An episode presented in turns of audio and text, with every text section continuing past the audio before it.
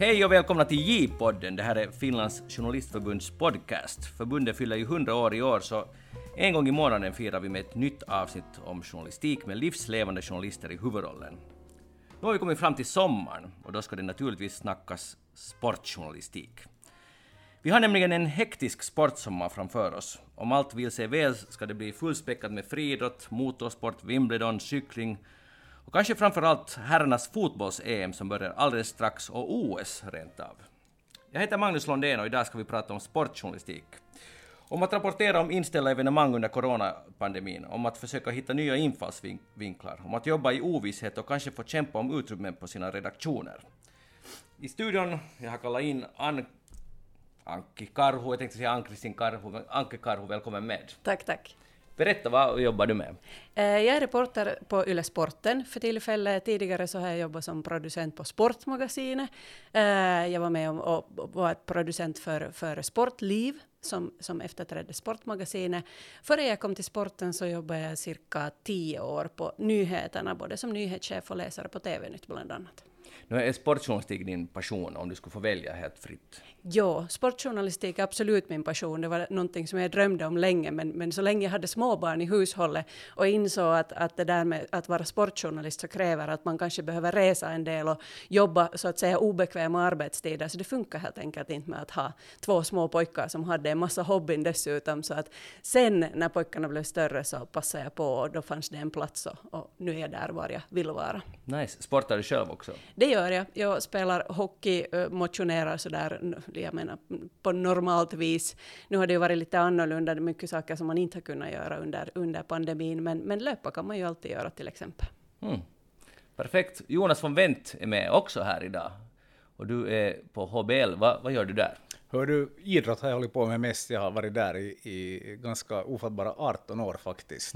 Jobbat lite med annat också, eh, men alltså av 18 och säkert 17 på sporten och, och då nog en överväldigande del med, med kung fotboll. Så att det är nu vad jag sysslar med. Före det så jobbade jag ett antal år på eh, FNB som ju inte mera finns, eh, där jag höll på med sport och så fick jag faktiskt läsa de legendariska nyheter från finska notisbyrån, nyheterna. Det är merit. Det är merit ja. som jag kommer att, eh, det är det första som står på min CV om jag söker ett nytt jobb i något skede, för det borde öppna dörrar nästan var som helst, till och med till CNN Perfekt.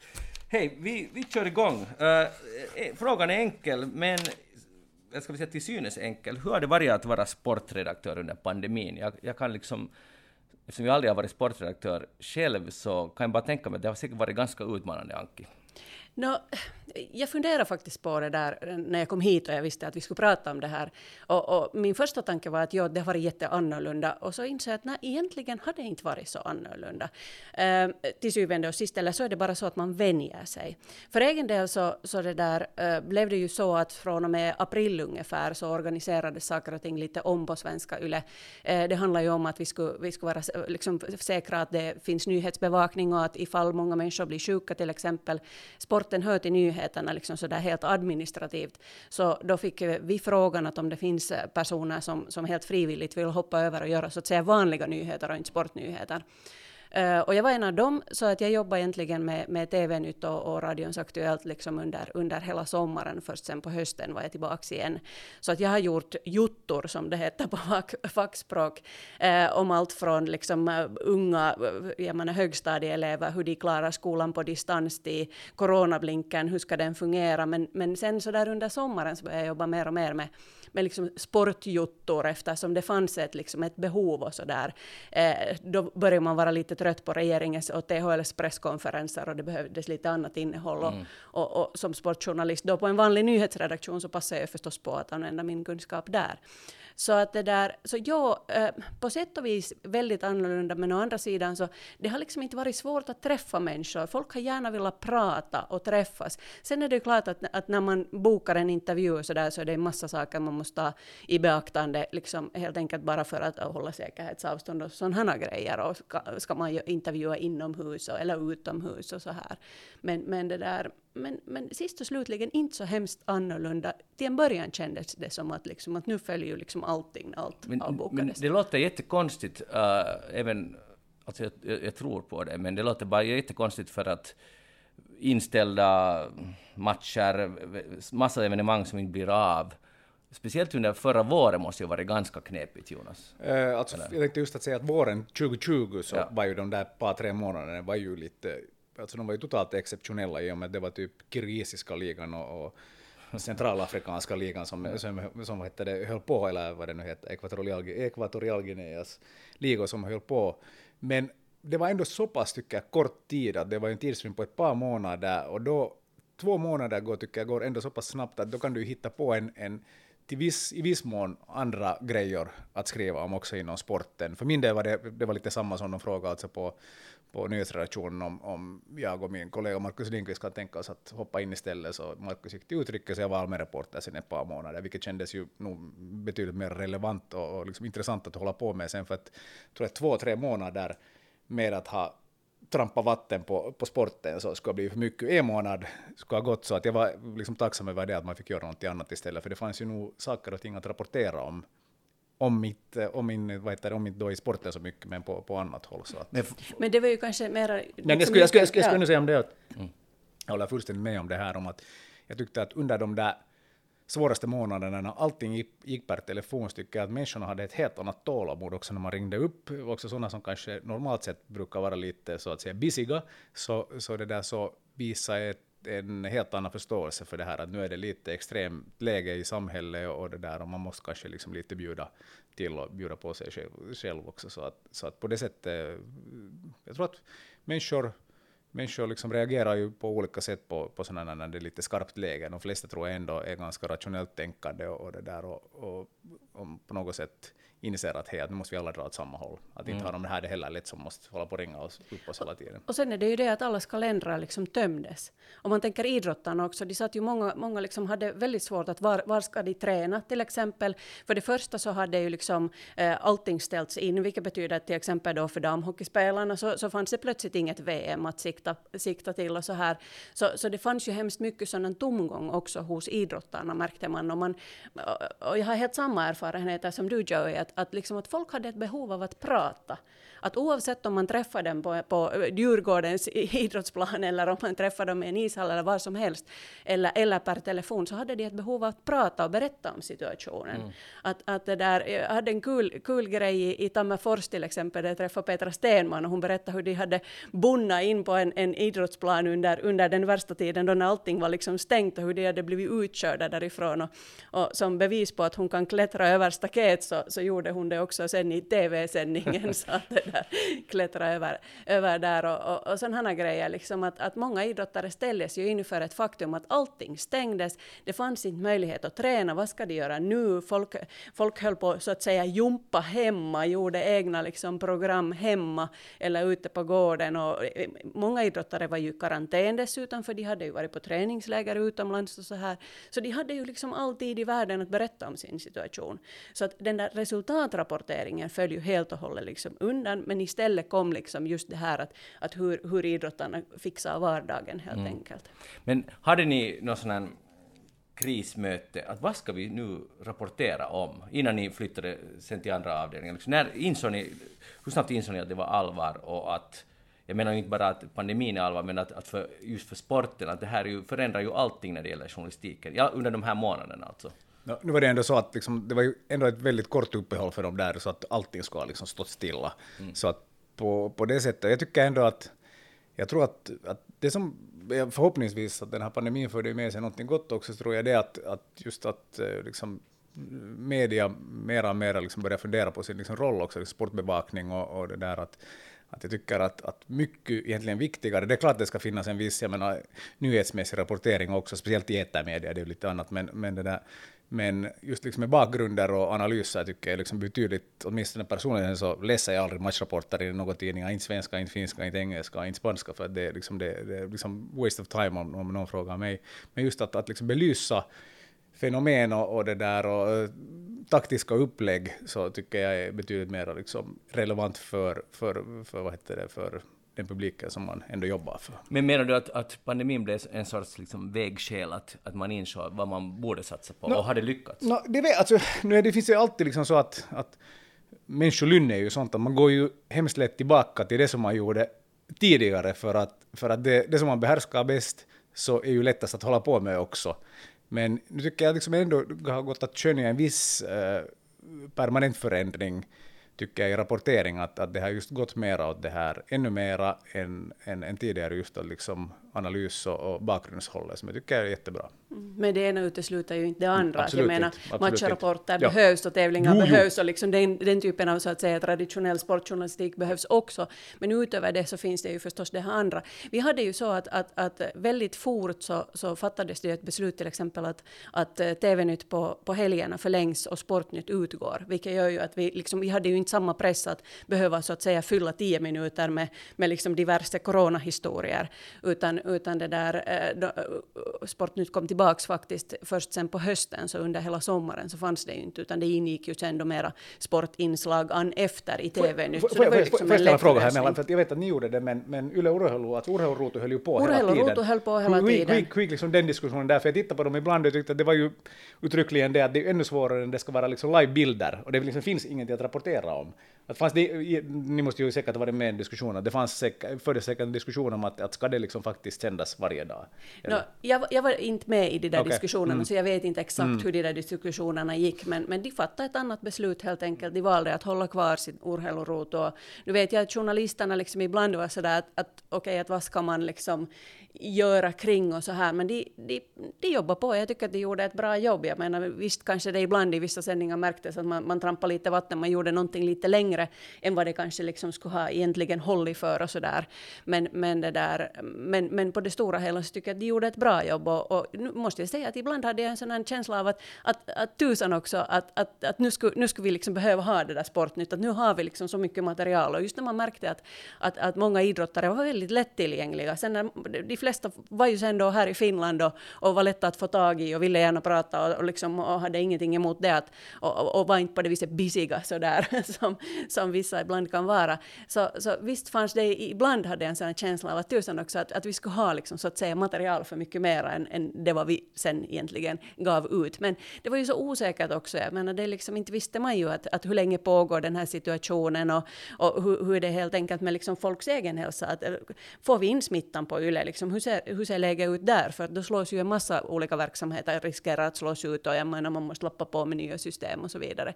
Så att det där så, att, eh, så där med facit på hand så tycker jag att det var liksom rätt beslut trots att man där under sommaren gärna ska ha rapporterat ännu mer och gjort så att säga mera TV kanske. Men man märkte under, under en viss period i pandemin när det gäller journalistiken, det som du kallar för trampa vatten, och det var inte bara sport, eh, det var, det var ju många inslag, ni, uff, nu borde det klippas ner det här, att det blev liksom för långt och för tomt. Och det är ju ingens fel, menar, eller det är pandemins fel, men, men då märkte jag, vill säga att thank God att det finns uh, oftast tillräckligt mycket att rapportera om och att man klipper ner och, och, och sen ljudkvaliteten, alla de här sakerna. Så jag vet inte om lyssnare eller tittare reagerar. Fick ni någon sån feedback? När alla rapporterar hemifrån och bandade hemifrån och ringde telefon. Kom det någon, kan ni inte skärpa er? Eller bryr sig ingen? Jag har inte nåtts av någon sån feedback sådär direkt åtminstone. Det, säkert kom det också sån feedback. Men, men alltså tröskeln var ju väldigt, eller liksom man lade med flit tröskeln låg då när folk började jobba hemifrån och banda saker hemifrån och rapportera med Reportit och, och what not. Mm. Liksom. Uh, och, och då var det, det var liksom, det var helt utstakat att det är helt okej. Okay det var ju okej, okay. vad kunde man liksom, göra? Jag menar, tumma lite på ja. den tekniska kvaliteten framför allt. Och att man, man accepterar äh, telefoner och man accepterar den här typen av grejer. Uh, sen i något skede så upplevde jag en sån en känsla av att, att när vi var kanske någon gång i augusti och man hade haft sin semester och mentalt på något sätt trodde att ja, nu är pandemin över och så kommer man tillbaks på jobb och inser att, fan, att, att, att, det är inte alls över och tvärtom sen så blev det ju så småningom sämre. Och då var det liksom en sån att ska vi fortfarande acceptera att liksom arbetsförhållandena är inte de optimala, ska vi fortfarande acceptera te telefoner istället för ett, ett liksom riktigt möte? Och sådana saker. Nej, jag tycker, det, precis det där liksom värsta var ju egentligen det där att, att den där första vågen av den här pandemin, så den kunde man ta, men sen, och sen ännu på, på hösten 2020 så, så var det ju så att till exempel min son som är tio, så han är en stor IFK-fan och vill gå på, på vad heter det, i synnerhet på hockeymatcherna. Och där fick man just gå då i en, en 10, 12, 15 omgångar, någonting sånt vad den höll på. Och sen plötsligt drar man undan mattan igen och så är det liksom stängt igen och så är det, så sa jag bara att förmodligen kanske vet du nästa säsong att om allt går väl. Att just det här att, att det, men det är klart att det, jag menar det här det där drabbar ju, drabbar ju media, drabbar ju publiken och, alla som har liksom någonting att göra. Men, jag menar, det var, läget var vad det var, men jag tyckte just att det var säkert det, det, det liksom tyngsta perioden var säkert det där när man insåg att, hey, att nu är det här, håller det här på att gå åt helsike igen, de här med siffrorna skjuter i höjden och snart kommer det här att ja, vi stänger. Mm. Hur, no, säg efterhand, om vi hoppas att det är i efterhand, att det, att det inte kommer ytterligare några överraskningar, så, så vad ger ni för vitsord åt er inte nu kanske åt er själva, men tycker ni att journalistiken, sportjournalistiken generellt i Finland klarar det här? Det är en bra fråga. Uh, jag tycker nog, det skulle jag nog säga, uh, godkänt åtminstone. Liksom sådär.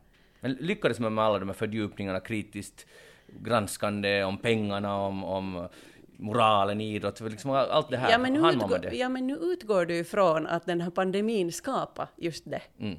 Och, och, det kanske det inte skapar. Så, eller liksom att, att, att, att, din förväntan är nu då att eftersom det inte fanns äh, matcher att rapportera om, så nu ska vi rapportera om pengarna och, det var liksom, bara en, en fusket. Tanke. Det var en hypotes. Ja, ja, men jag, mm. jag liksom nu bara är ute efter det här att vad du liksom förväntar dig. Ja. Att, att, hur du ville att sportjournalistiken skulle utvecklas under pandemin. Mm. Eh, Nej, den utvecklades inte riktigt åt det hållet. Nej. Och jag tror inte att det är liksom, och, och, och, det är inte liksom så att säga pandemins fel, utan det, och, det handlar om så många andra saker. Eh, det du nämner, och det är en, en, sak som jag själv värnar mycket om, att man borde göra mera av. Men eh, problemet är att, att liksom för att gräva ner sig i ekonomiska grejer till exempel. Jag gjorde själv en utredning där när det alltid sägs att det är så mycket, de har så mycket mer pengar i SHL att, liksom att de klarar sig hur bra som helst fast de inte får ta in någon publik. Medan i Finland så grät man ju blodren när, när man fick ta in hälften. Mm. Och, och, och, så gjorde jag en jämförelse. Det, det är ju liksom sådana grejer, det kräver, liksom, det kräver mer än sportkunnande. Det kräver att du ska förstå dig lite på ekonomi. Det kräver liksom hur ska jag säga, det kräver samarbete mellan olika människor. Och, och det satt liksom pandemin inte, inte igång liksom på det sättet. Och jag vet inte om man kanske ens kunde förvänta sig att pandemin skulle sätta igång det. Eh, det är en process som, som är igång. Eh, Yle Urheilu och, och på sporten så, så jobbar vi med vissa sådana grävande projekt, men, men vi är liksom inte riktigt där ännu. Och publiken har kanske inte hittat det riktigt ännu. Men allt mer så talar man ju om korruption inom, jag menar, inom de stora organisationerna organisationerna. Man talar om människorätts, eh, jag menar i samband med hockey-VM till exempel och så här. Så att, så att vi, den delen av sportjournalistiken kommer, men, men, det där, men det att tro och förvänta sig att pandemin skulle skapa det, så det tror jag är fel mm. utgångsläge. Det där var intressant det där, alltså, jag tycker också det, man ska betrakta det där att hur, vilka liksom ligor och vilka idrottsgrenar som klarar sig bra och dåligt under de här extrema förhållandena och, och det där. Jag tyckte ganska många liksom gjorde det bästa som man kunde av situationen, men jag tycker att den som alltså har skött sig så undermåligt dåligt hela vägen är alltså det stora flaggskeppet i finsk eh, lagidrott, alltså FM-ligan ishockey. För deras den här bisarra liksom kommunikation om att hej, nu duckar liksom hälften av lagen under, att vet du, pengarna är slut, och sen ändå så tar de in alltså spelare efter spelare efter spelare efter spelare. Eh, och eh, de facto nu till dags datum så finns det väl inget konkurshot över, överhängande åtminstone över någon av, av föreningarna. Jag tycker att, att det där att, att, eh, att ligan gjorde bort sig liksom riktigt rejält under det här. Mm. Men grunden där i den här jämförelsen var ju det att, liksom att ut, alla på något sätt utgick ifrån att, att, eh, att den finska hockeyligan, FM-ligan, eh, har det så mycket svårare än i Sverige. Och när man granskar liksom då de, de här rapporterna, det görs motsvarande rapporter för SHL och ligan, och när man granskar de här så konstaterar man att okej, okay, att intäkterna, liksom strukturen ser väldigt likadan ut, samma sak gäller utgifterna. Okej, okay, SHL är en betydligt större liga, den omsätter dubbelt så mycket än, eh, som, som FM-ligan, men liksom strukturen är densamma. TV-avtalen är väl lite större i, i det där SHL, ja, men de är, det är inte så hemskt, det, men, de, men det, har också, tror jag, det har också liksom förstorats här, att de är inte, inte så stor det är skillnad. inte så stor nej, skillnad. Nej. Och grejen den, jo, de får mycket pengar, men samtidigt så omsätter de ju mera. De betalar mera pengar åt ja. sina spelare. Så att om man liksom jämför dem så ser de väldigt, väldigt lika ut. Och, och, och det där, och, och, och, det tyckte jag var liksom intressant att, att, att se att, att, att det egentligen bara blaj det där när man säger att, att ja, det är så mycket bättre i Sverige. Den finska ligan hade liksom helt likadan situation. Men varför, vad är er analys, varför det där grät de, till och med jag noterade det här som inte följer hockey så noggrant, Uh, vad var taktiken där bakom? Ja, men det är ju ändå fan den största grenen i, i Finland, jag tror som att borde det, ha största pengarna. Jag tror, jag tror att det har helt, bland annat att göra med det att de har haft en sån särställning och, och varit så överlägset störst, så de har liksom inte varit vana att behöva tacklas, tackla, vad det, tacklas med, med, med problem, och det här var ju något som de inte var överhuvudtaget förberedda och sen det där att ska man hålla på och gråta och jama och klaga på allting så då ska man ju helst göra det så det ska ju finnas någon kollektiv taktik liksom så att klubbarna gaddar ihop sig. Nu var det ju så att, att vissa tränare och sportchefer som uttalade sig kritiskt fick 100 000 euro i vad heter det, böter från ligans sida för att han hade uttalat sig fräckt det var den här Assat-killen, jag kommer inte ihåg vad, det var, vad, vad mannen i fråga hette, men han borde få, alltså, han borde få någon sorts pris på nästa års idrottsgala. Eh, den enda som, eller en av de få som åtminstone, som sa ju sanningen att, att det här är helt alltså överdrivet just med det här konkurshoten. Fick han alltså, förlåt, det här, fick han, det, alltså han, fick, han fick 100 000 i, eller var det 50 eller 100 000 som sen ligans styrelse väl backa sen till slut och det där och, och, vad det, och insåg kanske att det här var en liten en liten imageförlust. För det var ungefär sam, i samma månad ungefär som om ni kommer ihåg att Jukka Rautakorpi som beordrade ut de här juniorerna på isen som alla alltså hade fortfarande covid-smitta. Så att, att det där för att de måste hålla liksom matchformen.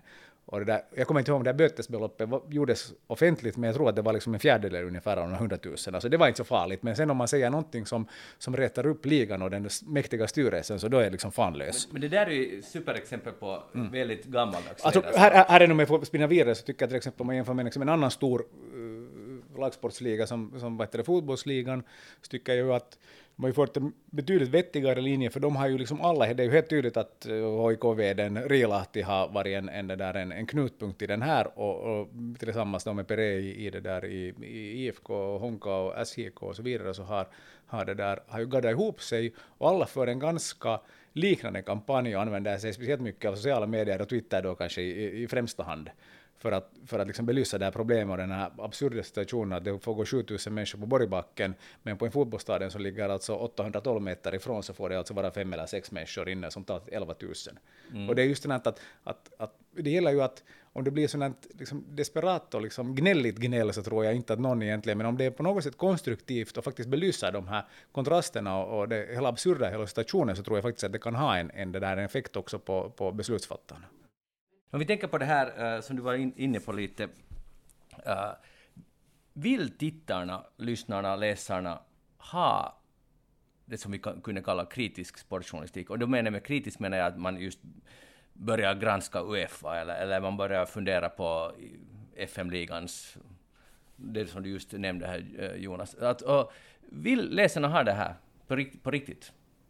Jag tror, jag tror åtminstone i rätt mängder så, så tror jag att om det liksom blir en sån här stridström av de här artiklarna som ändå är så ganska, för det första, eller, eller reportage, så det, som Anki var inne på tidigare, så det tar en stund att göra dem.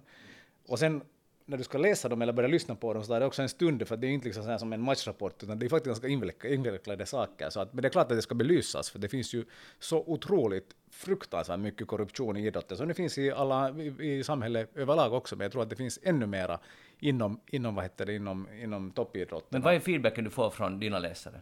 Absolut mera, mera. Att, att är det så? Så när du, du skriver en matchrapport, ingen bryr sig? Och, Om det är alltså med matchrapporter försöker vi liksom undvika liksom in i det sista, det får ju inte liksom finnas sådana, det borde, det borde åtminstone handla då om vet du, vad spelarsnacket, men det är klart att det blir lite svårt ibland om matchen börjar 18.30, 19, om vi har deadline 21 och det tar en stund för de här spelarna att komma någonstans också, så det liksom, ibland blir det omöjligt. Men man borde man borde ju inte liksom ta den där lätta linjen och, och där skriva, utan försöka åtminstone analysera att vad var det nu som gick bra, vad, mm. vad gick åt, vad gick åt pipan.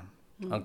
Jag skulle säga både jo och nej. Jag menar, det finns en, en, del av, eh, en del av publiken vill helt enkelt bara ha, liksom, för, för dem är liksom sportunderhållning och, och, och, då vill man ha det och man vill ha, kanske ha de där liksom spelar eller idrottarreportagen och man vill ha matchrapporterna. Man vill, liksom, man vill underhållas. Man vill liksom, på samma sätt som man går och ser en bra film så, så är det liksom, har, har i, eh, toppidrotten eller tävlingsidrotten samma funktion. Och så finns det en grupp som, som är intresserade av det här och jag tycker att det är viktigt att, att vi på något sätt äh, blir bättre på att A. lyfta fram de här grejerna och B. att lyfta fram dem på intressanta sätt så att de inte blir liksom tungrodda. För att jag vet själv när man, när jag till exempel satt och skrev den här eh, hockeyjämförelsen, så, så det blir ju liksom väldigt fort så kommer man liksom in på, på saker som, som jag inser att den traditionella sportpubliken kanske inte liksom äh, tänder på samma sätt på som, som om man skriver liksom om, ett, om en match där det har varit liksom ett väldigt överraskande resultat eller något annat.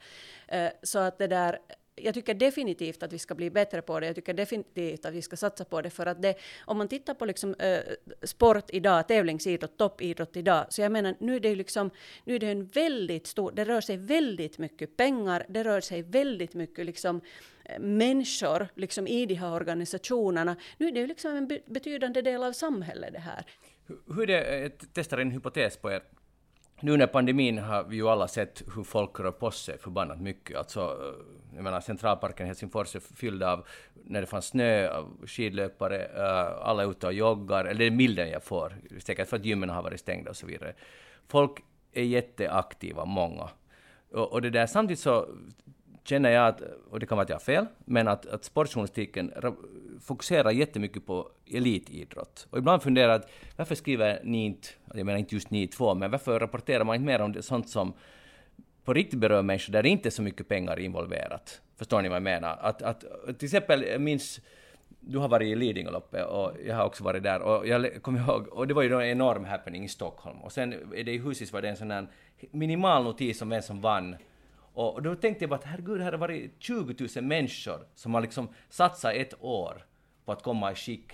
Och jag menar inte bara just Lidingöloppet, men, men, men ni förstår vad jag menar. Liksom att sådana här som engagerar jättemycket folk som sysslar med idrott, men som inte är elit, elitidrott. Som, för att, vad, vad tycker ni om det här påståendet?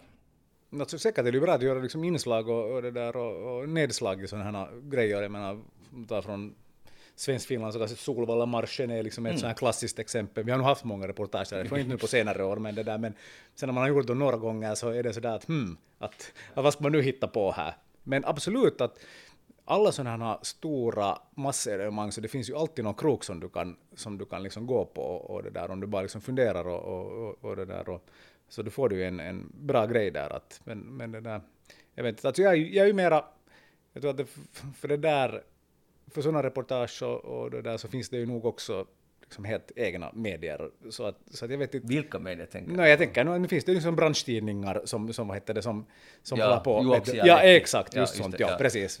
Så att det där... Uh, men jo, det, jag vet inte, alltså vi har inte, vi har inte gjort någon till exempel läsarundersökning på en stund och det där det skulle vara intressant att se. Vi hade ju i HBL hade vi många år ett sådant uh, uppslag i lördagens, söndagens tid som hette Tempo. Det var ju uttryckligen just om motionsidrott, liksom belyste lite det från olika vinklar. Uh, det var bara också det att, att nu vi är så otroligt få just nu på, på sporten och jag kommer ihåg att, att göra ett sådant eh, uppslag eller tre sidor, så det tar ganska mycket tid också. Mm. När det, vet du, det ska, så, så det där, men att inte ska man alltid gömma sig bakom det heller. Det är klart att man kunde göra mer. Anke, vad tycker du? Jag tycker att liksom motionsidrott och tävlingsidrott är lite två olika saker. Det är det helt säkert. Att, att, det där, att, att motionsidrott, så, så där är forumet kanske, kanske ett annat. Jag ser det mer som liksom lifestyle-journalistik mm. än, än sportjournalistik.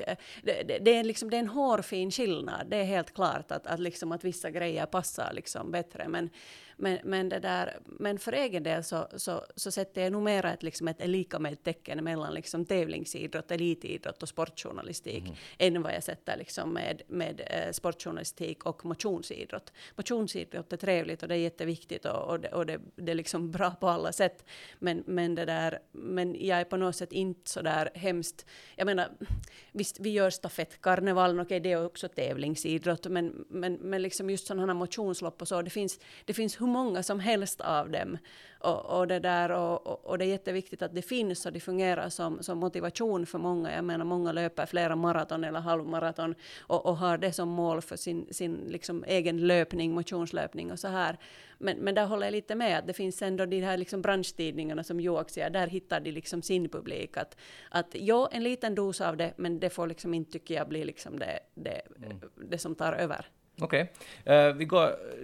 Uh, herrarnas fotbolls-EM börjar alldeles strax och det där... Det är spännande tider. Det där... Uh, nu har det ju, och sen har vi haft ett ishockey-VM där, där det, som inte fick arrangeras i Belarus.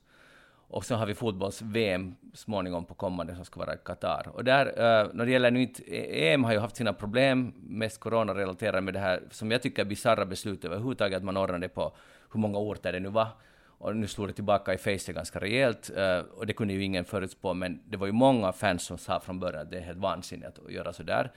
Och samma gäller med Qatar-VM på grund av människorättsläge, och sen har vi då Belarus. Uh, är här någonting på gång inom idrottsvärlden? Att plötsligt finns det sådana här aspekter att tänka på. Och om vi börjar med den frågan, Anke. Ja. Alltså, jag tycker att det har funnits någonting på gång redan länge. Det är ju liksom inte någonting nu som, som har kommit nu. Det som, det som är nytt och det som, det som inte, liksom nu, om jag nu dra, försöker dra mig till minnes, inte har hänt var just det här att man flyttar då ett ishockey-VM från Belarus till ett, till ett annat ställe eh, på grund av människorättsläge och på grund av att det liksom den påtryckning som, som de facto sen förekom och, och, och vilket var, jag, jag menar, det var det enda rätta beslutet. Det, det, liksom, det skulle ha varit helt vansinnigt tycker jag. Det är min personliga åsikt.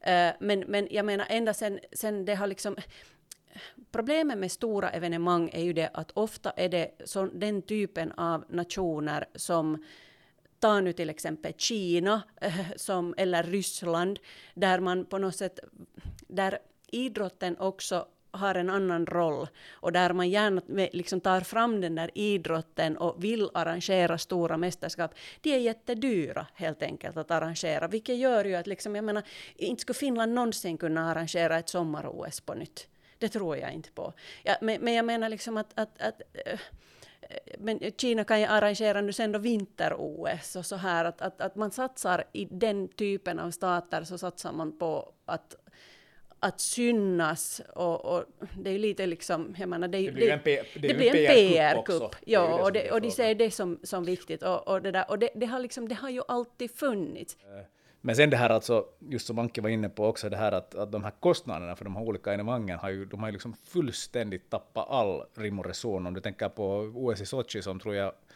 eh, räkningen blev 60 miljarder euro. 60 miljarder euro för sådana, alltså för den infrastrukturen som måste byggas och jag vet inte hur många tusentals ryssar som vräktes från sina hem för där skulle byggas nya motorvägar som aldrig kommer att användas i samma utsträckning mera. Och just att, att i och med att de här prislapparna har blivit så fenomenalt höga för allting så kommer det i, eller i framtiden vara så att det är just sådana totalitära eh, stater eller sen jätterika oljestater till exempel som kommer att arrangera sånt här med era kollegor, journalistkollegor, så snackar ni mycket om, om, om ni jämför nu och för tio år sedan, vi tar nu en sån sak som människorättsfrågor. Jag menar, jag, jag påstår att det, för tio år sedan så skulle man inte ha tagit bort VM, inte ens från Belarus. Uh, uh, nu gjorde man det för att det gick att göra. Men har det kommit upp på ytan mer, de här frågorna? No, nu diskuterar man dem liksom sådär, eh, hur ska jag säga, inte nu på daglig basis, men, men visst finns det ju där. Jag tycker, jag tycker inte att de har liksom hur ska jag säga, jag, jag, tycker att de har funnits där hela tiden. Mm. Jag tycker inte att det är någonting som har kommit först nu. Å andra sidan så, när du tog exempel att för tio år sedan, så för tio år sedan så var jag nyhetsjournalist, så att det kan ju också inverka att, att jag liksom, jag, jag jobbade inte på sportredaktionen då, så jag vet ju inte exakt hur, hur den där diskussionen gick där då. Men, men, det där, men jag tycker att den, den, åtminstone under den tid som jag har jobbat på sporten, så har den funnits hela tiden, oavsett om det gäller människorättsfrågor eller om det gäller liksom, eh, trakasseri grejer eller om det gäller jämställdhet eller vad som helst så, så har det ju liksom funnits där hela tiden. Jag förstår inte en sak att om vi tror ju säkert alla på journalistikens makt, liksom att på det fria ordet och så vidare. Att, så jag kan fortfarande inte begripa att Qatar fick VM. För att alla fans, och vad jag vet, var emot det. Och det skulle kunna gå till Australien till exempel. Och det där... Eh, och medier var säkert emot det, men kanske inte tillräckligt. Men finns det någonting att granska? För nu är alla så här herregud, hur kan det vara, och nu fotbollsförbunden börjar nu också göra ukas eller sådana protester, till och med här i Norden. Men det var jävla tyst då, eller ganska Men det tyst. Ju, det problemet där är ju det att qatariska oljepengarna finns överallt inom den moderna toppfotbollen. Mm. menar, så det är ju, de har genomsyrat hela, hela, vad heter det, hela, hela grenen i, i synnerhet i Europa. Så att det där, där jag menar, alla vet ju, det är ju helt bevisat att, att där, de fick VM tack vare en massa mutor. Och då är de då liksom för att Fifa för att lite rent sitt befläckade rykte så uh, har de stängt av lite olika vet du, ledamöter i, i det där inom, inom styrelsen och, och det där. Och, och, men jag menar, problemet kvarstår ju det att, att när det är en Fifa och Uefa spelat båda två, men om vi tar Fifa så det är, en, det är ju allt annat än en transparent, transparent mm. organisation, så det är ju jättelätt och oerhörda, liksom, det är miljarder i rullning där. Och ingen vet egentligen hur de där pengarna, liksom, jag menar det är inte penningsvett, men, men, men, men, men liksom, det är ju jättelätt att med pengarnas kraft köpa dig popularitet. Och det var just det precis vad... Bruna va, kuvert. Ja, bruna kuvert, det är ju ja. den klassikern. klassikern. Mm. Ja, det funkar fortfarande. Funkar alltid, ja. ja. ja. Speciellt i dessa dagar när det är så vet du, svårt att fiffla på annat sätt, så det är nog bara en tjock dollarbunt där så är alla nöjda. Blir ni cyniska någon Din rapport just om Fifa var ju inte så jätte Wow, ändå så någon dag hoppas jag att du får på fotbolls-VM och rapporterar därifrån. Och det är ju så som fansen, att jag är också helt tudelad. Jag hatar Fifa, eller inte kan jag säga att jag har, men liksom vad de har gjort, och, speciellt med Qatar. Och ändå jag, tänker jag till och med att borde man fara till Qatar. Jag tror inte jag far, men att... Jag tror inte heller faktiskt jag åker dit helt som en, en, det, markering bara. Att, att jag, jag tycker att, att fotboll ska spelas då under den europeiska sommaren och inte vid julen. Och, och sen det här, alltså med tanke på så här, om du tänker lite ekologiskt och det där och, och lite längre så det här att de bygger alltså tio stadion för x, x de får göra precis vad de vill med sina miljarder. Förstås det trå- tråkiga sidan här att det dör tusentals människor på de där byggena för att de inte bryr sig överhuvudtaget om mänskliga rättigheter. Men de får göra vad de vill med sina pengar, de har ju så det, så det blir över också. Men det här att vad ska det göras med de stadierna? Det bor alltså två miljoner människor i alla Qatar, det finns ingen liksom liga att tala om. Att, att just det där att, att, att där borde också Fifa, precis på samma sätt som IOK och andra takorganisationer, när de utser en värd istället för de här bruna kuverterna så borde det avgöra att hur kan det här användas efter att den här stora festen sen är över. För de här kommer ju att, alltså, de kommer att fyllas med sand inom fem år och öknen, öknen äter, äter upp dem. Det låter bra. Ja. Eh, Anki, är journalisti- journalistiken tillräckligt taggad i de här frågorna? Eh, jag skulle säga att ja, men det är också väldigt svårt att komma åt de här grejerna. Jag menar liksom att, att säga att, du, att du, du får nu två veckor på dig att granska Fifa. så, det där, så, så det är ju liksom ett ganska sådär omöjligt uppdrag. Och, och, och det där...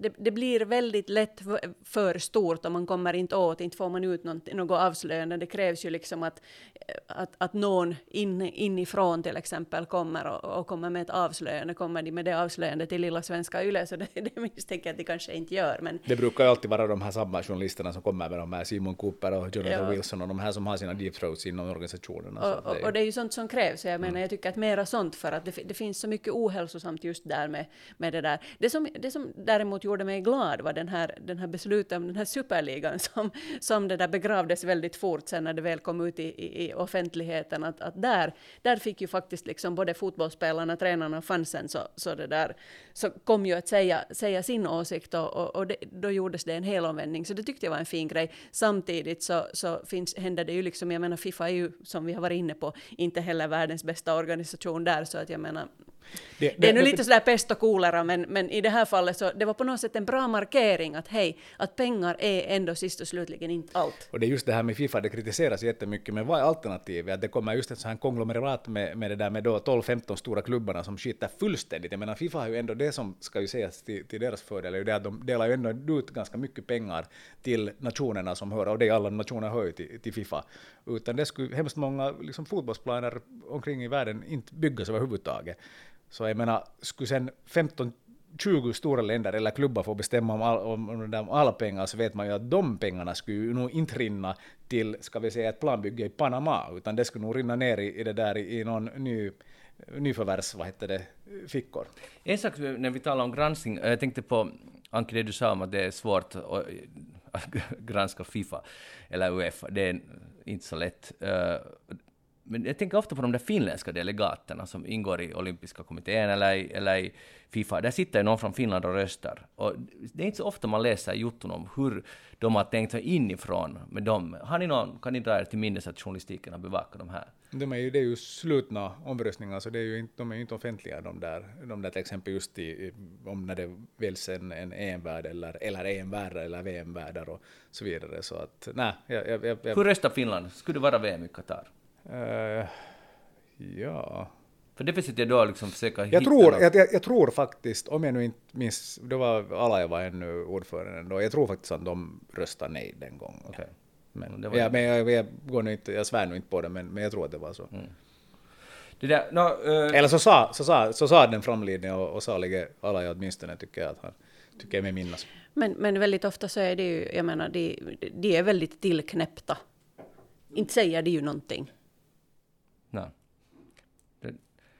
Det, det, det, det är ju någonting Jag menar det att nu... nu Tala är silver, tiga guld. Jo, Det jag det menar, men, men, men ta den gode Kalerva Kummola som, Mm. som ju nu då har liksom börjat säga och tycka saker. Vi kan ju inte tidigare gjort, men jag menar han, han vet ju att han, han, det där, han blir glad pensionär i höst och, och, och lämnar sitt värv, så nu kan han ju säga lite saker. Jag tror att han kanske ska vilja säga lite saker tidigare också, men, men den positionen han har haft så har helt enkelt varit en sån att han inte har Bit inte handen som föder dig. Det, Nej, det är lite så. Och, och det där, och, och det har, jag tycker det har varit välkommet programmet för att, att det där Kummola har ju liksom, förutom att han har nu plötsligt börjat tala för damishockey, vilket han tidigare har suttit på ett seminarium där han tittade mig rakt i ögonen och sa att han tycker att det finns vettigare grenar för kvinnor att syssla med än ishockey. Tänk om man skulle ha sagt det liksom idag. Så då, ja, det ja, men jag, jag minns den där situationen mm. som igår, jag hade lust att bita huvudet av honom just då, eh, med, med, egen bakgrund, men, men, det där, men han hade en sån åsikt då, och jag menar det, och han har det kanske också lite fortfarande, men nu har han insett att det kanske behövs kämpas för, för damerna också, då deras VM ställdes in och sen och sedermera flyttades. Men, men, det där, men det att han nu liksom säger, så det tycker jag är fräscht, för att jag menar han, han sitter på väldigt mycket makt när det gäller det internationella ishockeyförbundet också, och, och liksom eh, som vice ordförande där, och jag menar med sin långa karriär så, så, det där, så bra att han, han öppnar munnen. Han kunde gärna ha gjort det tidigare. Jo, han blev plötsligt en människorättskämpe. Jag tycker det var helt mm. fascinerande att, att det gick så där. Ja, ja. Mm. Hoppet dör sist. Vet ja, så är det. Hej, uh, sommaren 21, uh, vi har då som sagt då EM och vi har OS. Hur gör ni med era redaktioner? Åker ni dit? Vi har, eh, när det gäller fotbolls-EM så, så har vi en referent som åker till Köpenhamn för, för Finlands eh, historiska första match som refererar den. Och vi har en reporter som inte åker till Köpenhamn men åker till eh, Ryssland istället och följer med, följer med landslaget. Jag minns inte exakt hur Yle Urheilu har men de har också ett, ett liknande liksom system. Att i princip i princip på samma sätt som om vi inte skulle haft en pandemi men i lite mindre skala. Okay. Jag åker till eh, Köpenhamn eh, och är där en fem, sex dagar och, och, det där. Men annars så, om inte Finland går vidare, så kommer jag köta resten från, från Helsingfors. Så att till Ryssland tänker jag inte åka under de här. Och det har alltså att göra med, med främst det att, att det kommer i en under normala omständigheter skulle det vara perfekt att vara där i Ryssland för att man ska kunna bo precis bredvid spelarhotellet och få vet du, de en, två timmar per dag, men nu kommer det att vara sådana liksom ganska stela presskonferenser med, och inga, inga vad heter det, mot en till en vad heter det, intervjuer och så vidare. Så att Blir det de, inget sånt alltså? Nej. Och det är, det är Yle som, Yle, Yle får någonting i och med att de är broadcasters, vad heter det, men, men, det där, men inga andra får alltså sådana.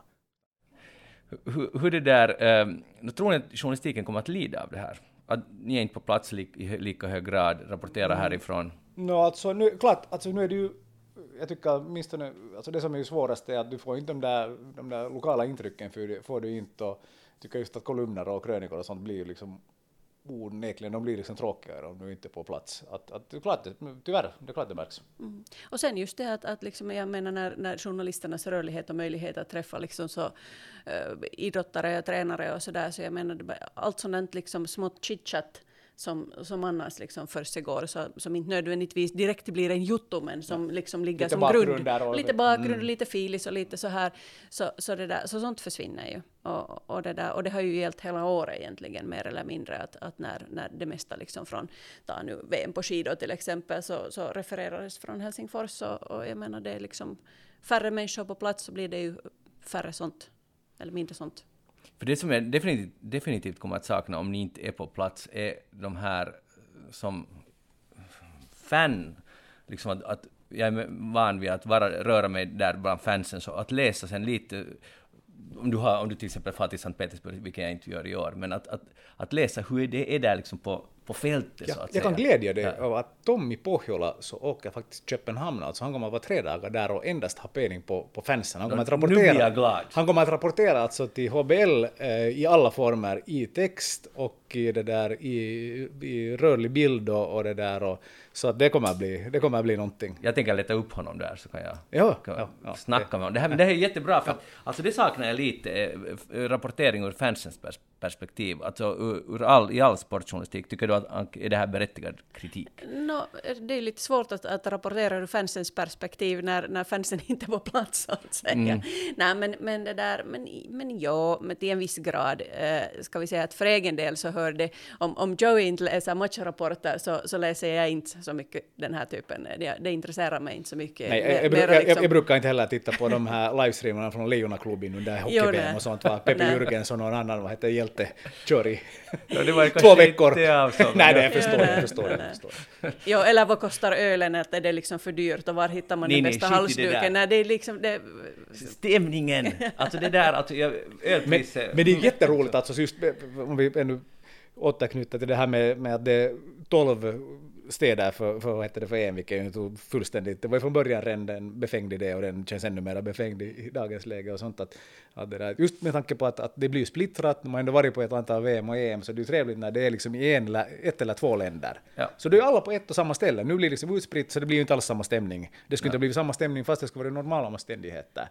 Men, men just att och då just kommer jag ihåg många sådana här i Tyskland och i Schweiz och Österrike. Så träffade du alltså finska eller svenska fans på de här otaliga tågen som du satt på. Och så satt du och snackade med dem i tre timmar. Jag kommer ihåg liksom, man fick hur många bra åtminstone en kolumnupplägg som helst, bara de diskussionerna. Absolut. Och nu Ja. liksom, det uteblir totalt. Ja.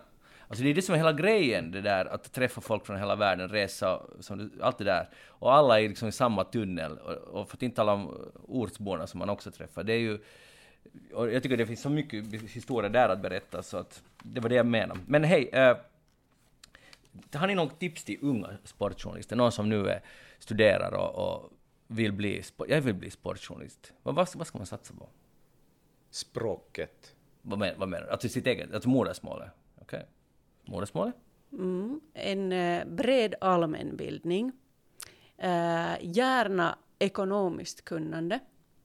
Eftersom det handlar väldigt mycket om ekonomi. Så att, att, att, att ha det, kun, den, det kunnande för att kunna gräva lite mera. Eh, och en bred sportallmänbildning. Ska man sporta själv? Uh, na, jag- det är inte, jag skulle säga att det är inte helt nödvändigt. För att det där med att sporta själv är ju liksom en sak. Det beror på förstås att om man är en tidigare elitspelare så har man ju liksom en annan, annan input eh, Eh, och en annan infallsvinkel än om man är en, en glad match, har varit en glad motionär hela sitt liv. Men man måste inte. Men, men jag skulle säga att till en viss del så underlättar det nog. Man förstår vissa saker, liksom, men det, det, där finns nog ett, ett sådant liksom värde i det. Men, men mycket skulle jag säga att, att har med det att göra att man, man, man har en så bred allmänbildning som möjligt och, och det där sportkunnandet ska vara, vara bra. Många saker kan man ju lära sig och man kan läsa på och sådär, men och så ska man vara nyfiken. Man ska ha liksom ett brett intresse. Det, vi har jättemånga, om jag nu liksom sådär avslöjar lite, så, av- så folk som söker sommarjobb till exempel, eller frilansuppdrag eller sådär, så finns det väldigt många som är jätteinsnöade, till exempel på internationell fotboll. Och hur mycket sånt gör vi till exempel på Svenska Yle? Ganska lite. Så att jag menar, då är det ju vik- viktigt att ha ett ganska brett grensperspektiv egentligen, att, att, att vara intresserad och ha ett kunnande av så många grenar som möjligt. Tycker du Jonas att de unga sportjournalister, eller wannabe sportjournalister som passerar revy på Husis, eh, är de liksom, har de rätt virke? Är de liksom redo för det här? No, det är ju lite som i säkert i alla yrken, att en del, är, en del är bra, en del är mindre bra. Nu i år så kommer vi ha en grym kille, Einar Siljakus, som var alltså där på prao när han var, nu är han 18, men han var 15. Och jag kommer ihåg att kan du skriva en analys på, på drömgrupper i något kval för Finland och mardrömsgrupper, det tog honom fem timmar, det var inte ett enda grammatikaliskt fel och analyserna var klockrena. Och jag är så innerligt glad att, en, att han kommer nu till oss i sex eller sju veckor på sommaren. Perfekt. Det är trevligt att han kommer till er, men jag skulle vilja lyfta fram en sån här grej när det gäller unga kvinnliga journalister. Att på riktigt våga. Det Vågar så- de inte nu det, då? nej, det, det, det, det finns någon sån här märklig... Att, ant- antingen är man kanske inte intresserad eller så vågar man inte. Och sen när man kommer liksom på, på intervju så säg inte att jag följer med sport för att min pojkvän tittar på fotboll. Det är liksom Vad sa du? Nu förstod jag inte. Att, att jag följer med sport för att min pojkvän tittar på fotboll. ja, ju, säg inte. Säg Så jag- inte. jag. har nog också sökt för det skulle ju vara Ja. alltså absolut optimalt skulle ju vara att ha en, en, det där, en dam också, eller en vad det, tjej på, på det där på, på, på sportredaktionen, men, men alltså, det, är- alltså det är jättesvårt att, att hitta. Det är.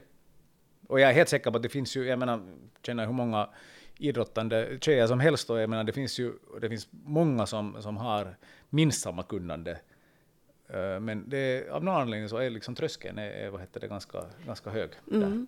No, sportjournalisterna är ju liksom sådär, eh, hur ska jag säga, det, det har ju varit mer eller mindre liksom en sån här killgemenskap. Och, och, och inte vi är hemskt många tjejer på, på Ylesporten heller, det är jag och Marianne Nyman, så att det där, och Marianne har varit där länge. Och Felicia så, som nu också har kommit in, så att nu är vi faktiskt tre. Och, och det där, och, och det krävs nog liksom för att det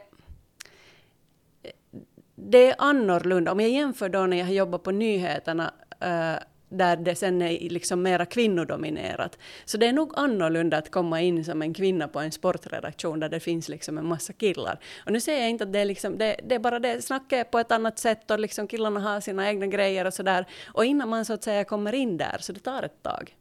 Och, och, och, det är kanske det som tjejerna är lite rädda eller oroliga för. Därför skulle det vara jätteviktigt att få in mera tjejer, för att sen när man får in några tjejer så är det lättare att, att liksom hitta en sån gemensam tjejgemenskap också inom, inom sportjournalistkåren. Du sa att det tar en tid innan man anpassar sig, så vad, vad är det man måste göra? Liksom? vad, vad, är det som är olika? Berätta för mig som inte alls vet. Mm, no, det är liksom det är jättesvårt att sätta fingret på det, för inte det är ju liksom någon sån men det, det, det är en viss jargong, det är ett visst snack, det är liksom eh, killarna har gjort allting på ett visst sätt hur länge som helst. Liksom. Och, och, och så kommer man in och så, så, tycker man eller tänker man kanske lite olika.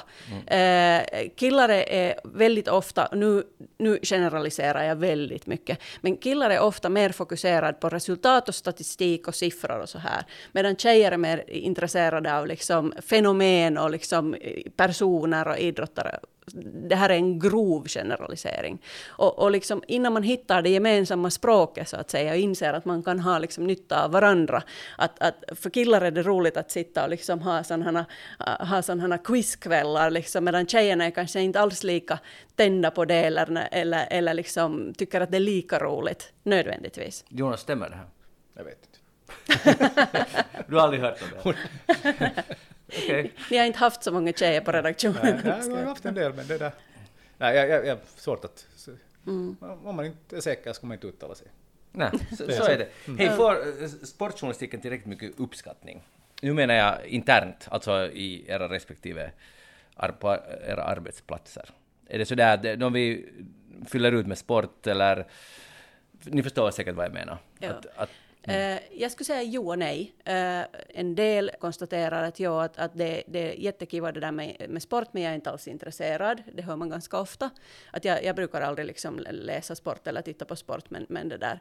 Eh, så det, det, får man ibland. Men sen när Finland är sådär fem för att vinna VM-guld i ishockey så, eller, eller tar sig till EM i fotboll, sen är plötsligt alla jättesportintresserade. Så det, liksom, det varierar väldigt mycket. Att, att många, eh, hur ska jag säga, den här uppskattningen ökar eh, ju större framgång Finland har, känns det ibland som, om man nu lite sådär karikerar. Att, att sådär både jo och nej. Jag tycker det, alltså det där var ett bra exempel, där jag tycker att det finns liksom otroligt många liksom motsättningarna, till exempel om du är liksom intresserad av kultur, så då kan man inte, då får man inte vara intresserad av, av sport. Det gäller ju absolut inte i alla fall. Men det, det finns, ju verkligen inte i nej, alla fall. Nej, nej, verkligen inte. Jag menar, men så finns det sådär på något sätt, jag tycker det har liksom i åratal och årtionden och kanske till och med århundraden så var det så att det finns en, liksom, så här lite så här elitistisk tanke om att man inte liksom, att, att, att man liksom vissa människor helt enkelt är väl lite för, för, liksom för intelligenta och för fina för, för det där, för att befatta sig med något så besudlat som, som, vet det,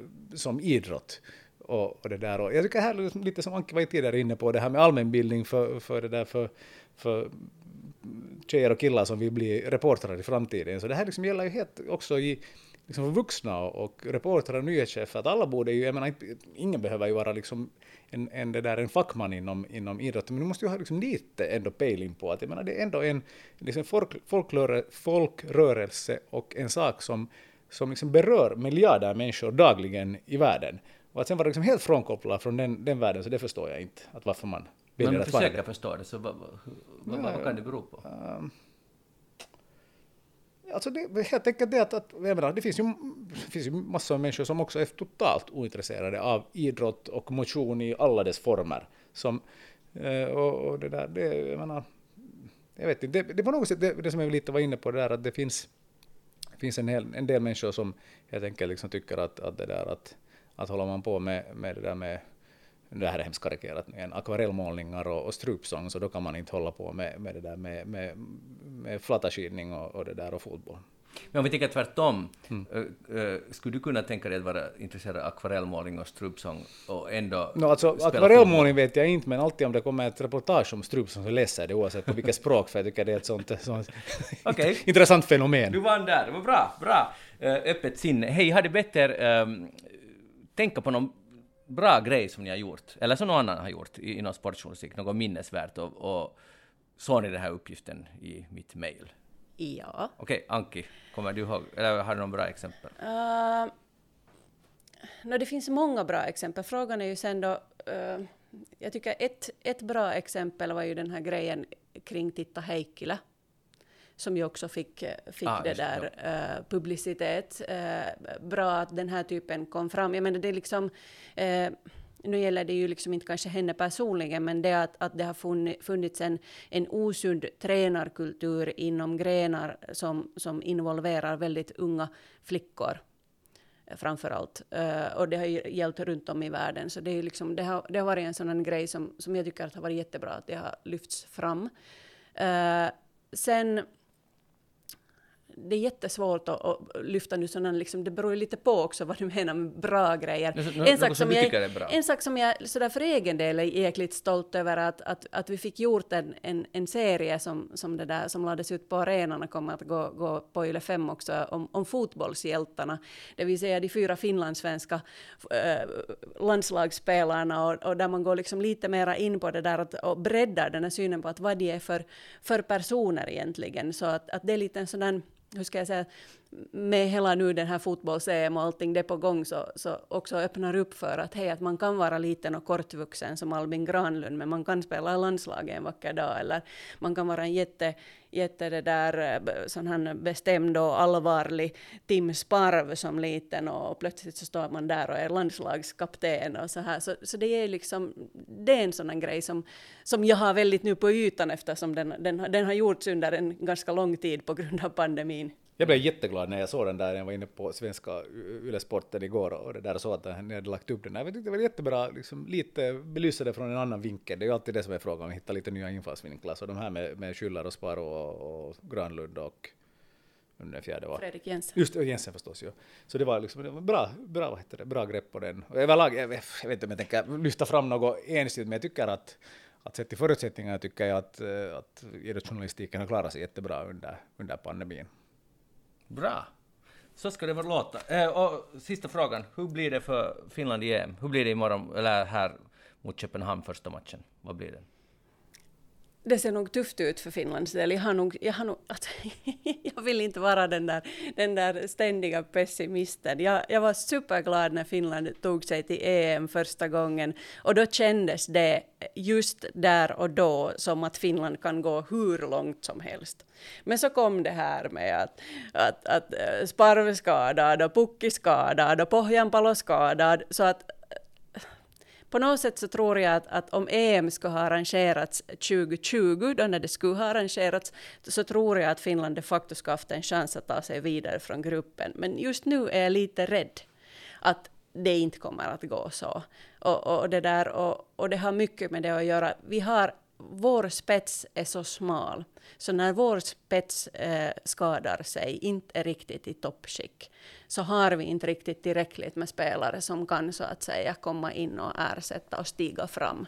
Jo, när vi bandar det här så vet vi inte ännu vem som kommer vara i startelvan, eh, men att i alla fall så det här är allt lite spekulation. Men det är det alltid, eh, Jonas. Jag tror att, nej men om du tittar på de här motståndarna som vi har i gruppen så Danmark går nu igenom deras lag så det, alltså det är så skyhög klass hela vägen. De är rankade alltså tionde i världen och fast den här Fifa-rankingen inte kanske alltid säger allting så jag menar om de är över 40 placeringar före Finland så, så är det en liksom, de förlorar väldigt, väldigt sällan uh, har ju en liksom, tradition av rang.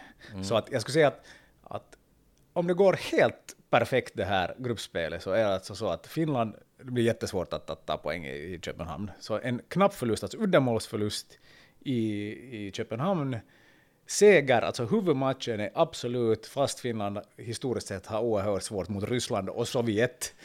Uh, och det brukar liksom gå åt helsike mot dem.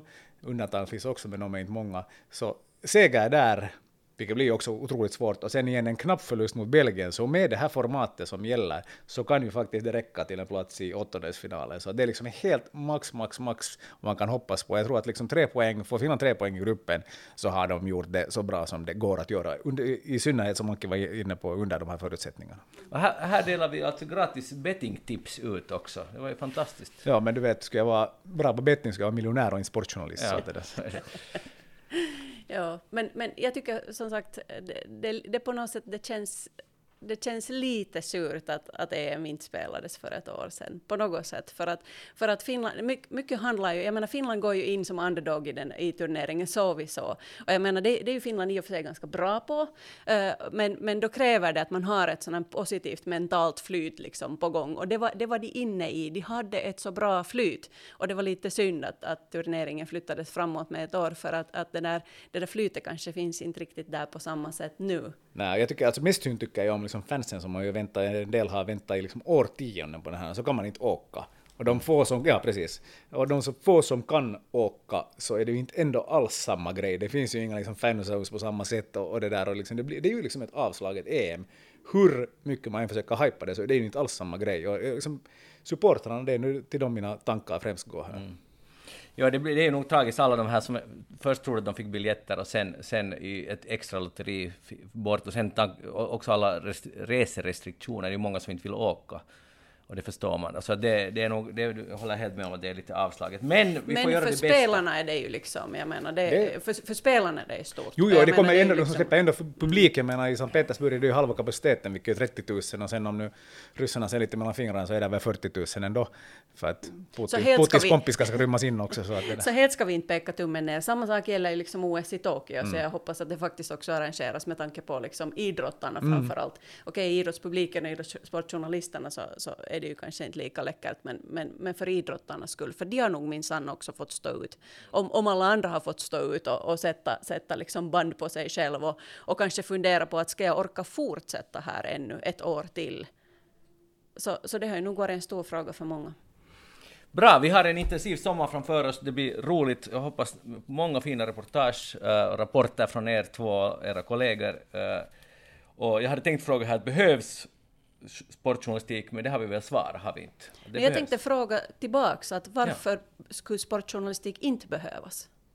Jag har inte sagt att det, att det inte skulle behövas. Ja, men du ställer du, han, är bara, han är bara programledare. jag ställer bara frågor. Det betyder inte att, att jag håller... Jag tycker att sportjournalistik absolut behövs. Det är ju självklart. Men att det där... Uh, jag kan tänka mig att det finns folk som tycker att det inte är så nödvändigt. Att det där man skulle kunna lite pruta ner och det är helt säkert. Jag menar, det får stå för dem, jag tycker inte. Ja. Mm. mm. Vi kan ju lägga ner alla sändningar från alla mästerskap där Finland deltar, så kan vi se sen. Det, då blir det anarki på gatorna. Anki Karhu, tack för att du var med här och eh, Jonas von Wendt, tack för att du var med. Jag heter Magnus Lundén och vi är, det här var alltså J-podden och ni får gärna e-posta oss på jpodden journalistilitto.fi. Och vi kommer att vara tillbaka igen om en dryg månad och den här gången, den gången turar Lina Loran för mig och då ska det handla om jobbet som förlagsredaktör. Men hör av, av er med feedback och ha en trevlig idrottssommar. Hej då!